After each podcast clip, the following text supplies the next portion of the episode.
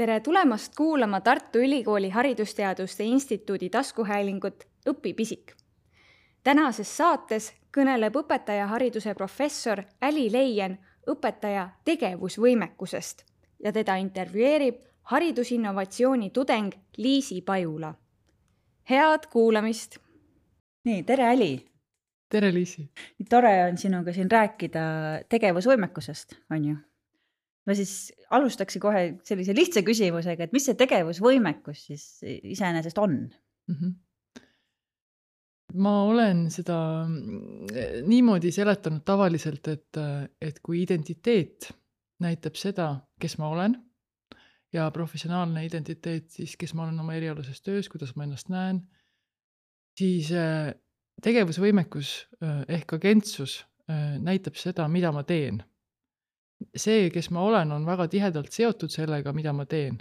aga see ei sõltu ainult sellest, vaid ka keskkonnast ja nii edasi, millest me võime natuke rohkem rääkida, aga võib-olla kõige lihtsam on jaa, mida ma teen, kui palju ja siis võib sealt edasi mõelda, et kui palju ma saan ise oma tegevust suunata, kujundada, võrreldes siis sellega, kuivõrd see on kujundatud ja suunatud kellegi või millegi muu poolt mm. -hmm -hmm. okei okay,, et see on erinevate faktorite koosmõjul siis mm, -hmm. siis moodustub see tegevusvõimekus, jah ähm,.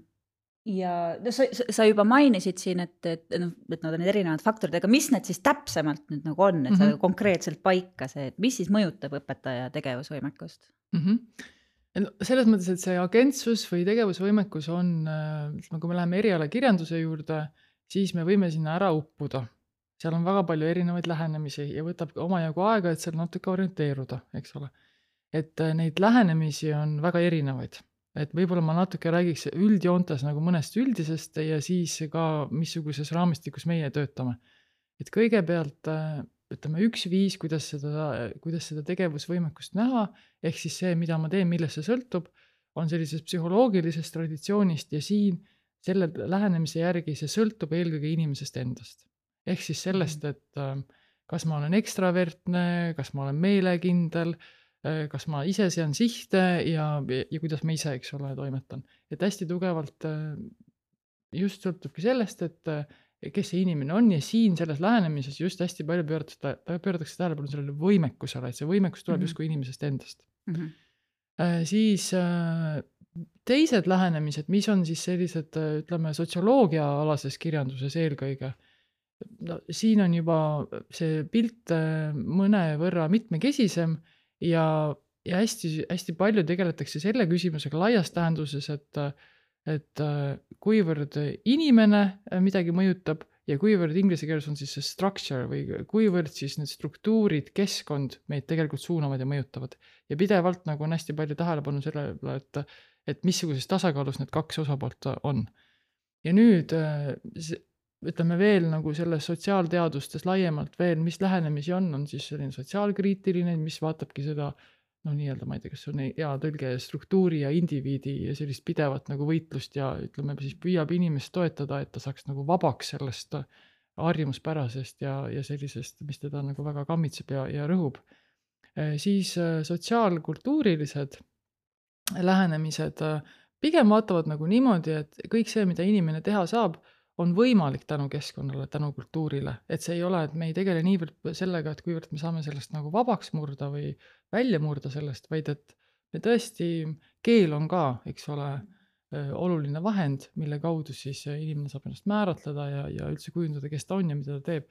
et me ei, nagu ei võitle selle vastu, vaid et me kuidagi ütleme, et see saab võimalikuks tänu sellele Äh, ja siis on mõnevõrra veel seal nüansse, et selles mõttes seal sotsiaalkultuurilises äh, koolkonnas läheb see veel natuke keerulisemaks, et seal on sellised äh, noh, ütleme, seal on veel mõnevõrra erisusi, et mõned on sellised, kes vaatavad väga passiivselt seda indiviidi rolli, et indiviidil on no, justkui ongi, et indiviidi roll on väga väike, et see sõltubki peaasjalikult sellest, et mida, kuidas, kuidas keskkond ja kultuur, eks ole, inimest kujundab ja siis on teised lähenemised, mis ütlevad, et ei, inimesel on ikkagi oluline roll äh, siis äh, ka oma elu korraldamisel, äh, kaasarääkimisel, muutmisel, et no ütleme, et, et see subjekti roll on nagu oluliselt aktiivsem.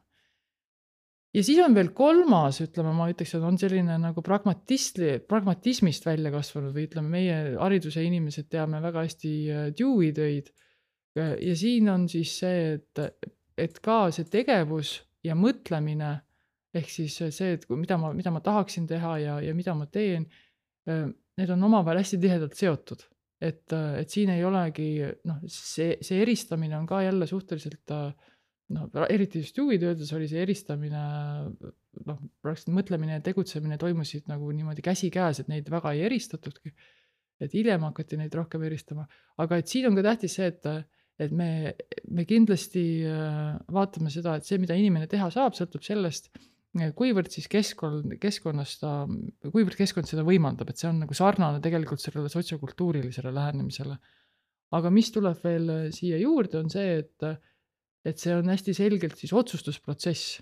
et see tegevusvõimekus ongi otsustusprotsess, ehk siis äh, näitab seda, et, äh, et missuguse otsuse inimene, õpetaja, õpilane oma tegevuseks teeb mm. -hmm. ja meie oleme oma töödes sellest viimasest lähenemisest äh, nagu lähtunud ja see on selline ökoloogiline vaade tegevusvõimekusele või agentsusele äh,. see tegevusvõimekus, agentsus, meie oleme võtnud tõesti selle eestikeelse sõna tegevusvõimekus, aga siin sõnas on sees see võimekuse osa ja mulle endale see tegelikult väga ei meeldi, sest see just tegelikult viitab sellele noh, sellele psühholoogia traditsioonile ja justkui, et inimesel on, osad on võimekamad, osad on vähem ja ja võib-olla jätab vähem äh, tähelepanu sellele keskkonnale, aga samas me ei suutnud ka ühtegi paremat, äh, me kaalusime erinevaid äh, sõnu või mõisteid ja, ja jäime selle juurde, et noh, et, et inglise keeles jah, tõesti see agency või eesti keeles ka mõnikord öeldakse agentsus, ähm, siis et, et ma ei ole kindel, et see on kõige parem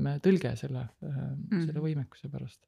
aga jah, meie oleme sellest ökoloogilisest lähenemisest lähtunud ja nüüd sellest edasi, kui see tegevusvõimekus on põhimõtteliselt otsustusprotsess, ehk siis see, mida ma teen, ähm, sõltub siis, missuguse otsuse ma langetan ja siis me vaatame sealt nüüd edasi, mis siis seda nüüd mõjutab, seda otsuse langetamist ja see annabki meile selle võtme selle tegevusvõimekuse mõistmiseks. ja need kolm dimensiooni, äh, mis me siis siin selle otsustusprotsessi juures näeme, on see, et kõigepealt see, mis otsuseid ma langetan, sõltub väga paljuski sellest mis on minu nagu teadmiste, kogemuste pagasis, ka missugused väärtused on, missugused hoiakud mul on? Ja need ja see pagas on mul kujunenud elu jooksul. see pagas on kujunenud äh, tõesti sellest väga palju mõjutatud, äh, kuidas ma üles kasvasin, äh, missugused olid väärtused ja kasvatus kodus, aga ka sellest, äh, kuidas mind erialasse, erialasesse rolli sotsialiseeriti, ehk siis ka erialaste õpingute kaudu väga palju siis olen ma oma pagasisse kogunud tegelikult, et see ongi inimese pagas ja mõnikord me mõtleme sellest ka kui no ütleme, minu, mis on minu kompetentsid, mida ma oskan, mida ma, missugused hoiakud on ja, ja mida ma tean. siis äh, väga, see on siis üks esimene, siis teiselt poolt äh, see, millise otsuse ma teen, ei sõltu ainult sellest, mida ma juba oskan, vaid see sõltub ka minu eesmärgist, kuhu ma tahan jõuda. ja need eesmärgid võivad olla siis pikaajalised, lühiajalised ja oluline on, et need on mõlemad olemas ja meie oma töödes oleme sellele tähelepanu juhtinud, et et ka erialases töös, ka õpetaja töös ei ole oluline, et need oleks ainult noh, erialase tööga seotud, kui me mõtleme, mis on mm. hariduse pikaajalised eesmärgid ja selliste küsimuste peale, vaid et inimese enda jaoks ka et mis on siis äh, tema laiem elusiht, äh, elu mõte, kui nii võib öelda, et mida me siin üldse tahame teha. et see on siis see teine dimensioon ehk need eesmärgid ja kolmas dimensioon ongi siis need, et kui, kui me võime mõelda, et pagas ja sihid on võib-olla rohkem inimesega seotud mm, -hmm. siis äh, või inimrühmaga võib ka, eks ole, öelda, see ei pea olema ainult üks inimene, me võime rääkida ka kollektiivsest agentsusest või tegevusvõimekusest. siis see kolmas dimensioon on keskkond ja keskkonnas on erinevad äh, siis tegurid, mis siis kas toetavad või takistavad äh, seda, mida ma teha saan, ehk siis mõjutavad minu otsustamist. no näiteks praegu koroona ajal äh, meil on väga selgelt keskkonnast, see on keskkonnategur, meil on, kui meil on koroona ja see mõjutab väga palju seda, kuidas me täna õppetööd saame korraldada. näiteks Haridusteaduste Instituudis me oleme praegu distantsõppel Mm -hmm. nii siis päevase õppega kui siis, kui siis avatud või sessioonõppega. et äh, see ei ole olnud äh, meie pagasist tulenev või eesmärkidest tulenev kuidagi, vaid see tuleneb keskkonnast. ja see mõjutab seda, missuguseid otsuseid me teeme ja kuidas me käitume. et, ähm, et jah, selles keskkonnas on erinevaid tegureid, need võivad olla kultuurilised, struktuurilised, materiaalsed tegurid, mis siis kas toetavad või takistavad ähm, seda inimese enda tegutsemist. Okei okay ma nüüd, see, oli väga põhjalik kokkuvõte, et teeme nüüd nagu korralikud haridusteadlased, teeme nüüd, ma võtan nüüd natuke kokku selle, kuidas mm. mina sellest aru sain ja siis saad parandada oma vale arusaamu, on ju, siis on nagu lihtne edasi minna. okei okay,, et ühesõnaga neid tegevusvõimekuse mudeleid või nagu arusaamu sellest, mis inimese otsustamist võimaldab äh, või juhib, on erinevaid, mhm. on ju, need nagu paiknevad nagu mingil skaalal umbes no niimoodi. mina olen niimoodi püüdnud jah nendest äh, aru saada nendest jah. jah, ja siis ühe, ühe skaala, skaala ühes otsas on siis selline nagu väga individualistlik vaade, et, et kõik inimese otsustusvõime sõltub, sõltubki ainult sellest indiviidist mm -hmm. ja siis selle skaala teises otsas on siis selline väga noh, kuidagi nagu sihuke piiritletud vaade või et, et, et inimene on ainult mingi masinavärgi osa ja, ja tema, tema otsustus sõltub mingitest välistest faktoritest mm, -hmm. niimoodi mm, -hmm. jah ja siis, ähm, ja siis äh, sinu töös ja siis kolleegide töös on kasutusel selline, ma saan aru, ta on see kuskil selline keskel asetsev nagu mudel. ja kindlasti, sest et me, meie täiesti mõtleme niimoodi, et jah, tõesti, need, need on nii indiviidi omadused mm, -hmm. mis on olulised mm. -hmm. kuigi keskkond, et me oleme jah, seal selles mõttes küll kindlasti seal keskel jah mm. -hmm jah, nii okei okay,, nüüd me teeme, et on skaala, me teeme, et ühes otsas on indiviid, teises otsas on selline väga jah, selline piiritletud või nagu keskkonnakeskne vaade ja siis, ja siis meil oli kolm dimensiooni veel mm, -hmm. mis siis selle nagu me ütleme siis noh, meie mudeli järgi on ju mm, -hmm. piiritlevad või, või määravad seda, kuidas inimene tegutseb ja need olid siis meil äh, see kogemuste pagas ehk igasugused teadmised ja, ja muu informatsioon on ju äh,, siis sihid mm, -hmm. see, kuhu inimene tahab jõuda ja, ja siis nende peale nagu kokku veel on, veel on selline siis nagu mat-, materiaalsed tingimused või see, see, kus ta nagu see konkreetne keskkond, kus see inimene siis funktsioneerib mm, -hmm. ma saan niimoodi aru mitte ainult mat-, mitte ainult materiaalne, vaid mm. ka kultuuriline. selles jah, mõttes, et see keskkond mm -hmm. oma erinevate teguritega mm, -hmm. et äh, tõesti ka struktuur, kultuur ja materiaalne siis äh, ümbruskond mm. -hmm. Okay. mitu, mitu kihti on seal mm? -hmm. no see on kõik, tundub suhteliselt loogiline, et, et, et mm -hmm. kui ma otsustan, et millist valikut ma nüüd teen, siis ma teen selle lähtudes mingitest oma teadmistest, eesmärkidest ja sellest nagu millises raamis mul on üldse mm -hmm. võimalik otsustada, on ju mm. -hmm aga sa siin ütlesid ka, et, et, et sihtmärgid on, on olulised siis sellisel otsustusel, et, et ähm, kui äh, nagu kui, kui täpsed need, need peavad olema siis selleks, et, et, et juh-, juhinduda, juhinduda nende järgi ja, ja et kui nagu õpetaja töös ka, kui me nüüd vaatame konkreetselt õpetajaid, on ju? No me oleme näinud mitte ainult meie enda tööst, aga ka väliskolleegide töödest, mida meil on võimalik olnud siis lugeda me oleme näinud seda, et äh, õpetaja töös mm, väga tihti hakkavad tooni andma äh, mm, lühiajalised eesmärgid pikaajaliste eesmärk, eesmärkidega võrreldes. ja see võib tuleneda töö iseloomust, äh, aga see on oma, aga, see on kitsaskoht või murekoht, kui kaob ära see kaugem siht. sellepärast, et see töö on üsna selline nõudlik, keeruline, mahukas ja võimalik, et see lühiajaline perspektiiv haarab nii palju tähelepanu lihtsalt mm. -hmm et sellega tegelemine, õppijate kaasamine, aktiveerimine, motiveerimine seal lühiajalises perspektiivis võtab nii palju tähelepanu, et võib juhtuda, et see pikem siht äh, kaob natukene ära silmade eest. ja seda tõesti äh, Šotimaa uuring näitas, väga huvitav etnograafiline uuring erinevates koolides tehtud, kus jõuti ka sarnasele nagu tulemusele, et et need lühiajalised perspektiivid pigem olid, aga selle kõrval veel kõige tugevamalt siis mõjutasid neid otsuseid hoopis, hoopiski siis need senised teadmised ja kogemused, ehk siis see pagas kõige rohkem määras siis seda, missuguseid otsuseid õpetajad tegid mm. -hmm.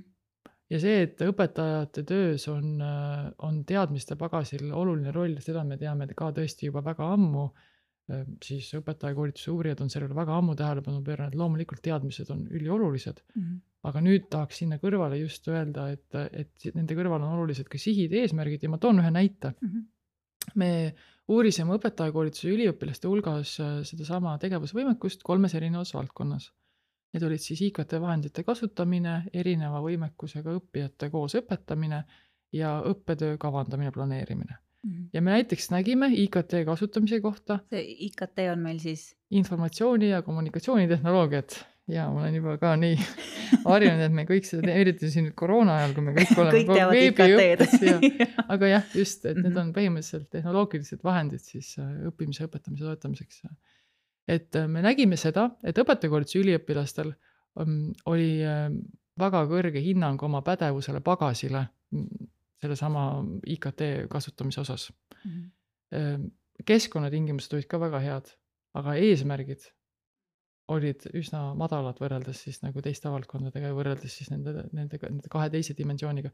see näitabki seda, et, et kui me, et isegi kui me oskame ja meil see keskkond võimaldab, kui meil nagu selgelt, selgelt arusaama ei ole, miks me seda mm. -hmm. teeme, siis ega see ei hakka meie käitumist äh, oluliselt äh, nagu kujundama ja suunama, see ei ole selline suunatud äh, süsteemne protsess siis Mhm. ja, ja mis veel ka on oluline rõhutada, et selle tege-, selleks, et see tege-, et me saaksime tõesti rääkida agentsusest või tegevusvõimekusest, on oluline, et need kõik need kolm dimensiooni oleks aktiveeritud või need oleks nagu tõesti olemas. me ei saa, kui üks nendest on puudu, siis me ei saa enam rääkida, et, et see inimene on ähm, agentne või, või et tal on kõrge tegevusvõimekus. oota, aga siis nüüd mul tekib kohe küsimus, et, et noh, inimesed ikkagi, nad, nad ju teevad ka neid otsuseid ilmselgelt ka, ka juhul, kui, kui on segadus mingites sihtmärkides, aga siis, siis sa, et, et mida, mida see siis tähendab, et me ei saa rääkida tegevusvõimekusest, kui tegevusvõimekus on see, et mis otsuseid ma teen?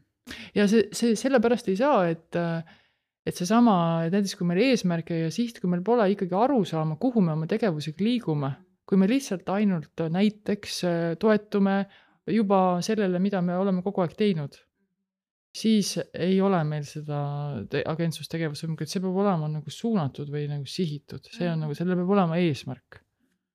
et me peame olema teadlikud sellest, mis me teeme ja mulle tundub, et, et kas siit ka siis nagu koorub välja, koorub välja see põhjus, miks see, miks see teema on üldse oluline ka, ka igapäevaõpetajatele mm. -hmm. et, et selleks, et kuidagi pakkuda paremat kogemust enda õpilastele, peab sul endal olema väga selge arusaam sellest, kuhu sa lähed, millised, millised need tööriistad on sinu seal pagasis, sinu tööriistakohvris olemas ja, ja, ja siis kolmandaks ka siis see, et millised on jah, sinu need konkreetsed no ütleme, see ko- konkreetne nagu äh, keskkond, milles sa opereerid. niimoodi jah Mm -hmm. mm? -hmm. ja kas on ka, kas on ka mingid konkreetsed, äh, ma ei tea, andmeid või, või välja tuua, et, et, et, et milles see, milles see boonus nagu avaldub, kui on, kui on õpetajal kõrge tegevusvõimekus, ka näiteks õpilastele? Et, et mis, mis, milline vahe on siis madala tegevusvõimekuse ja kõrge tegevusvõimekusega õpetajal niimoodi igapäevatöös ka ütleme? mm. -hmm.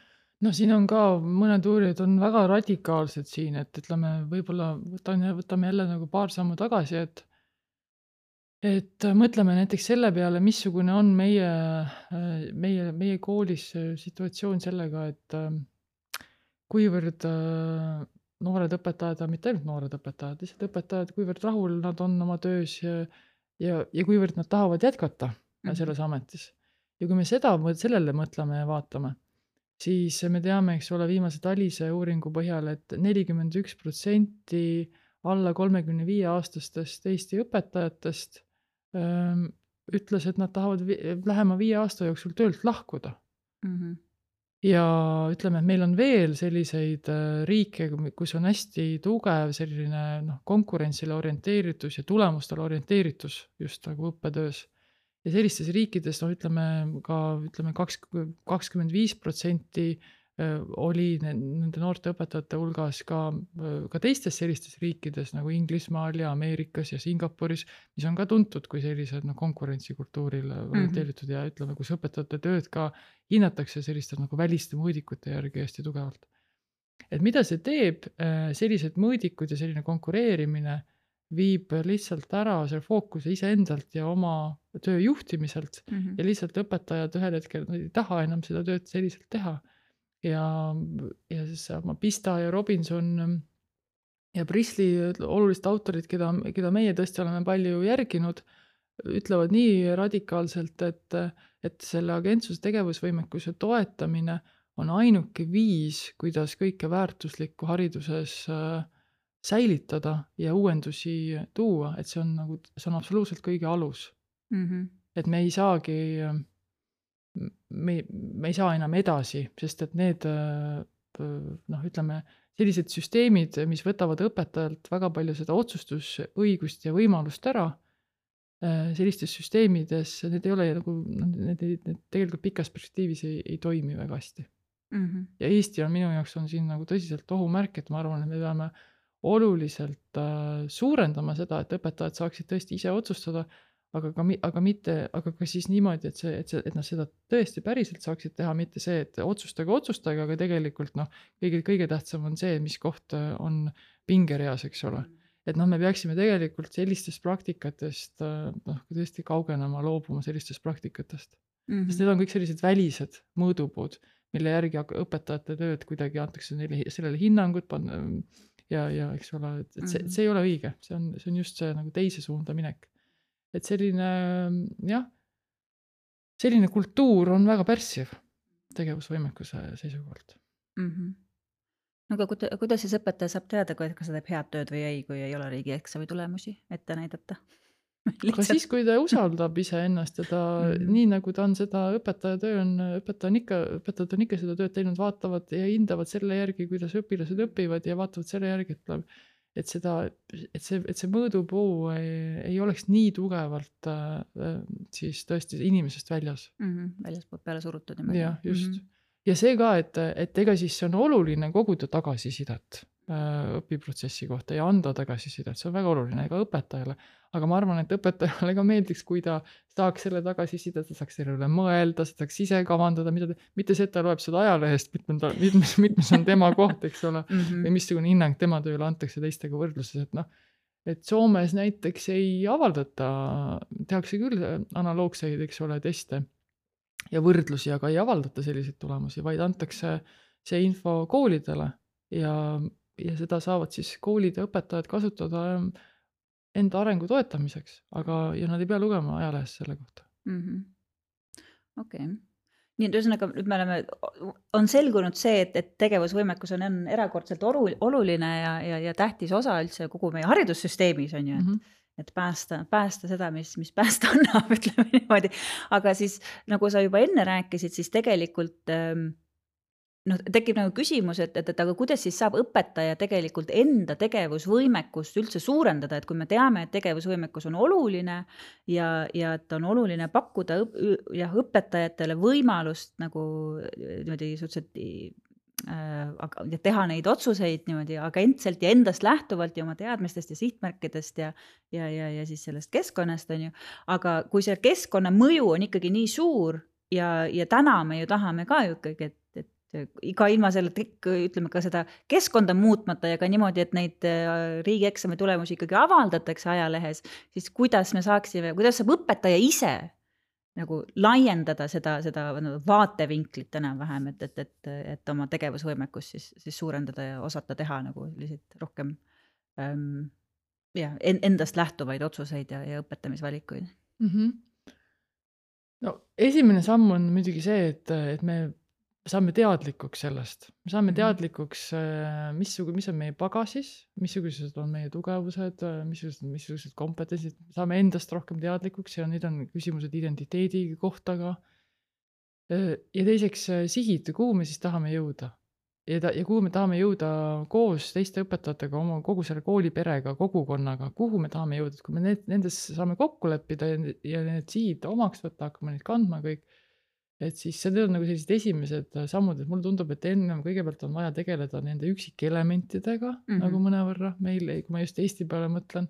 et tõesti, meil on vaja, meil on paremini sellest, nendest sihtidest võib vaja aru saada mm. -hmm. ja siis me, siis me peame muidugi ka analüüsima keskkonda ja andma tagasisidet selle kohta ja õpetaja saab seda teha erialaorganisatsioonide kaudu mm. -hmm. ta saab teda seda teha ka indiviidina üksi elame demokraatlikus äh, riigis, et, äh, et mina, mina näen ka seda, et õpetajatel peaks olema palju suurem roll õpetajahariduse ja kogu selle kutsevaldkonna arendamisel. et õpetajate sõna tuleks seal palju tugevamalt esile mm. -hmm. et äh, ma olen olnud siis tõesti ka õpetaja kutsestandardi arendamise juures äh, ja, ja ma isegi seal selles protsessis tundsin, et vot õpetajate sõna võiks isegi, ma unistan sellest, et et meie meisterõpetajad veel rohkem ja veel enam tulevikus kujundavad seda, missugune, missugune peaks olema õpetaja elukutse. aga selleks, et sa seda saad teha, selleks sa pead ka ikkagi võtma sellise aktiivse rolli ja ma usun, et ka meil Haridus-Teadusministeeriumiga on võimalik läbi rääkida äh, see, et ja vaadata neid erinevate riikide praktikaid, et kas on ikkagi mõistlik nende tulemuste avaldamine niimoodi meedias. Eesti ei ole ka ainukene riik, eks ole, needsamad konkurentsile orienteeritud äh, riigid, millest oli siin ennem juttu, väga sarnaselt äh, selliseid, selliseid nimekirju, eks ole, avaldavad. aga kui me nagu mõtleme selle läbi, et kas see ja, ja ja ma usun, et õpetajad ka siis kuulatakse ja, ja kindlasti, kui erialaorganisatsioonid selle tõstataksid et ma arvan, et, et see ja, ja vaata, mõnikord ongi niimoodi, et õpetaja, kes lahkub töölt, näitab sellega üles erakordset agentsust, sellepärast mhm. et ta lihtsalt teeb selle otsuse, et ei, sellistel tingimustel äh, sellises kontekstis äh, ma ei taha seda tööd enam teha, see võib olla ka väga selge agentsuse nagu mm. näide või avaldus, eks ole.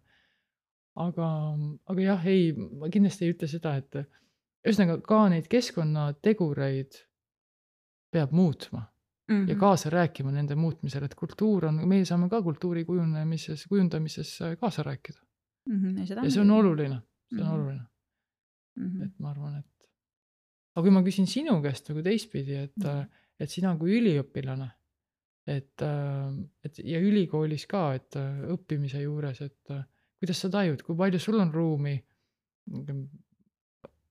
keskkonda, keskkonna, ma ei tea, kujunemises kaasa rääkida omaenda sihtide seamisel, et et ega siis see tegevusvõimekuse agentsus ei ole tähtis ainult õpetajale, õppejõule, vaid ka õppijale, me võime sinna jõuda mm, -hmm. aga ma ei tea, ma mõtlesin just, et huvitav, kuidas sa tajud seda mm? -hmm. Mm, see on, see on väga hea küsimus um ma noh, ma ilmselgelt ma ei võta siin sõna kõikide üliõpilaste nimel praegu, et ma räägin enda kogemusest.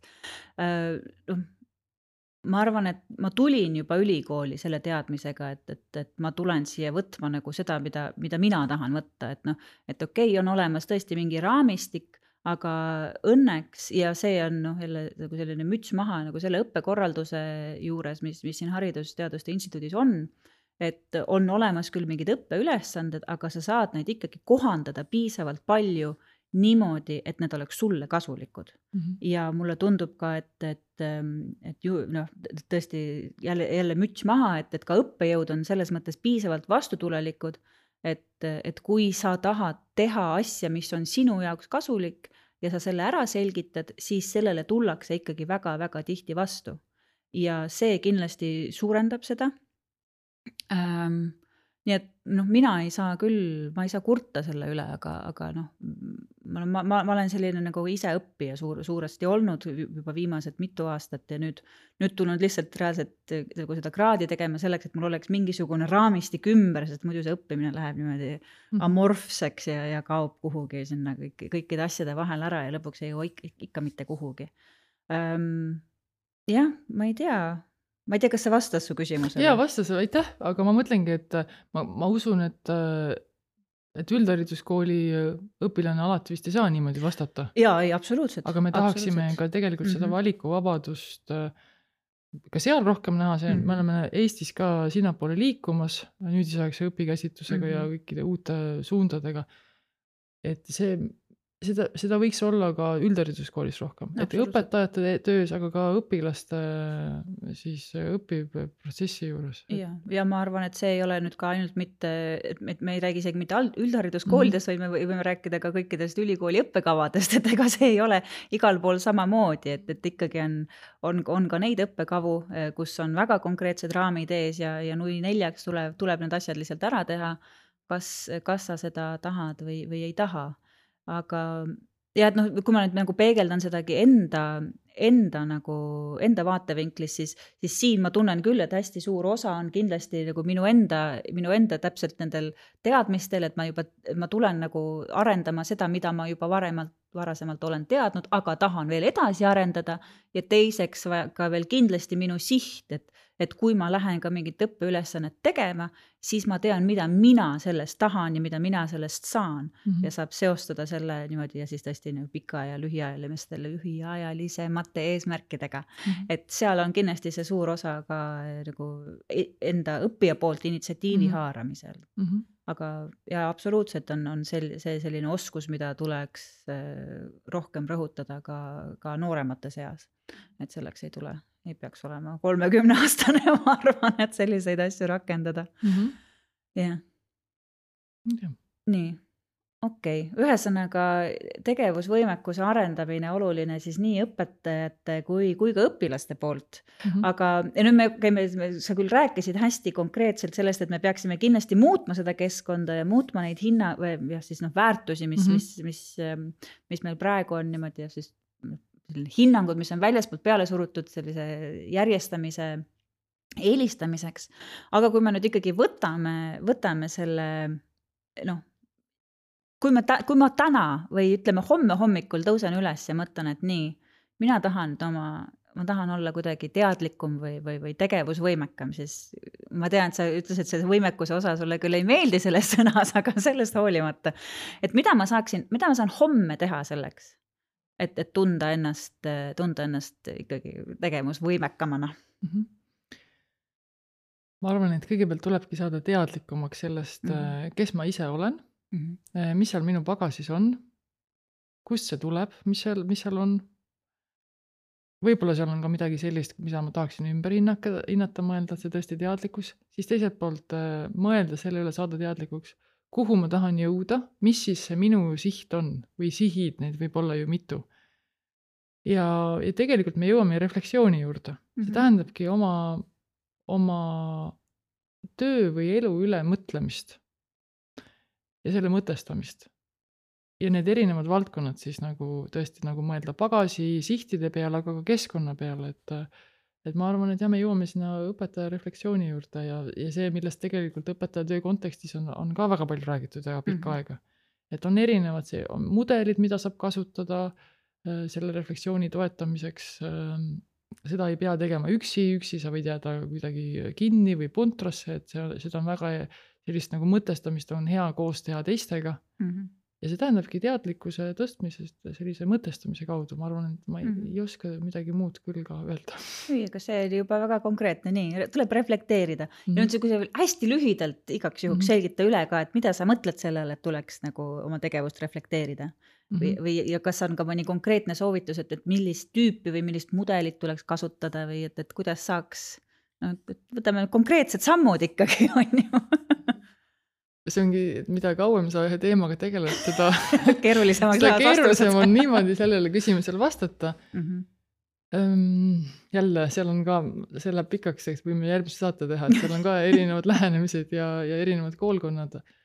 aga põhimõtteliselt see algab ikkagi ka eesmärgist peale, ma mm, -hmm. ma mõtlen, mis oli mu eesmärk. ja siis ma hakkan mõtlema, et mis siis juhtus selles konkreetses olukorras ja hakkan seda analüüsima ja toon välja detailid, mis seal siis juhtus ja nüüd on niimoodi, et tihti me reflekteerime selliste olukordade üle, mis läks halvasti mm. -hmm. see on kuidagi noh, võib-olla ka siis, et võtab palju meilt ressurssi ja, ja me siis kasutame siis sellises olukorras, kus me mõtleme, et oi, nüüd on vaja kindlasti midagi õppida, muuta. aga tegelikult me näeme, teame oma uuringutest, et väga häid tulemusi annab see, kui me mõtestame lahti positiivseid kogemusi mm. -hmm sellepärast, et me oleme, me oleme rohkem avatud sellistes olukordades teoreetiliste teadmistega neid seostama mm. -hmm ja niimoodi me seostame oma teadmisi paremini ja, ja muudame oma teoreetilised teadmised ka paremini kättesaadavamaks ja kasutatavaks hiljem. et selles mõttes, et mitte ainult negatiivseid olukordi, vaid ka positiivseid olukordi, nende üle mõelda ka sellise, äh, ma arvan, et sellise päeviku sisseseadmine oleks väga hea mõte. ja jätta võib-olla seal äh, mõned lehed äh, kõrval tühjaks, kuhu saab kunagi hiljem tagasi tulla ja, ja, ja veel vaadata ja mõelda, mis ma siin üldse kirjutanud ja mõelnud olen ma arvan, et selline teadlikkuse tõstmine ja nüüd konkreetsetest mudelitest ka, no need hakkavad tavaliselt peale sellest, et noh, ütleme, ikkagi lihtsamad või ütleme, mis seal hästi sarnast on, et nagu mis juhtus, sellest teadlikuks saamine, mis oleks võinud juhtuda, mis see soovitud olukord siis oli, selleks teadliku, teadlikuks saamine. ja siis tuleb leida see tee, et noh, et mida ma siis järgmine kord tegema peaksin selleks, et see võiks niimoodi minna, et et kuhu ma tahtsin, et see läheks, et nagu siin on tõesti väga palju erinevaid mudeleid ja tegelikult õpetajakoolituses me, me neid tutvustame päris äh, tublisti mm. -hmm okei okay,, selge. vähemalt on, ütleme, paar konkreetset sammu on nüüd, on nüüd olemas ja meil on olemas nii lühiajalised kui pikaajalised eesmärgid ka tegevusvõimekuse tõstmisel on ju, et mhm. homme ma hakkan reflekteerima ja pikaajalisem eesmärk oleks siis saavutada ka selline üleüldine keskkond, mis, mis toetaks, teo-, toetaks ka õpetaja tegevusvõimekust ka väljaspoolt ja mm -hmm. et sa ei pea nagu võitlema kogu aeg selle mm -hmm. süsteemi vastu, vaid mm, -hmm. vaid saad sellega koos funktsioneerida. hästi oluline on see, et, et ma ei teeks seda üksi. Eesti mm. õpetaja on hästi üksi. seda kolmas saade tuleb siis selle kohta.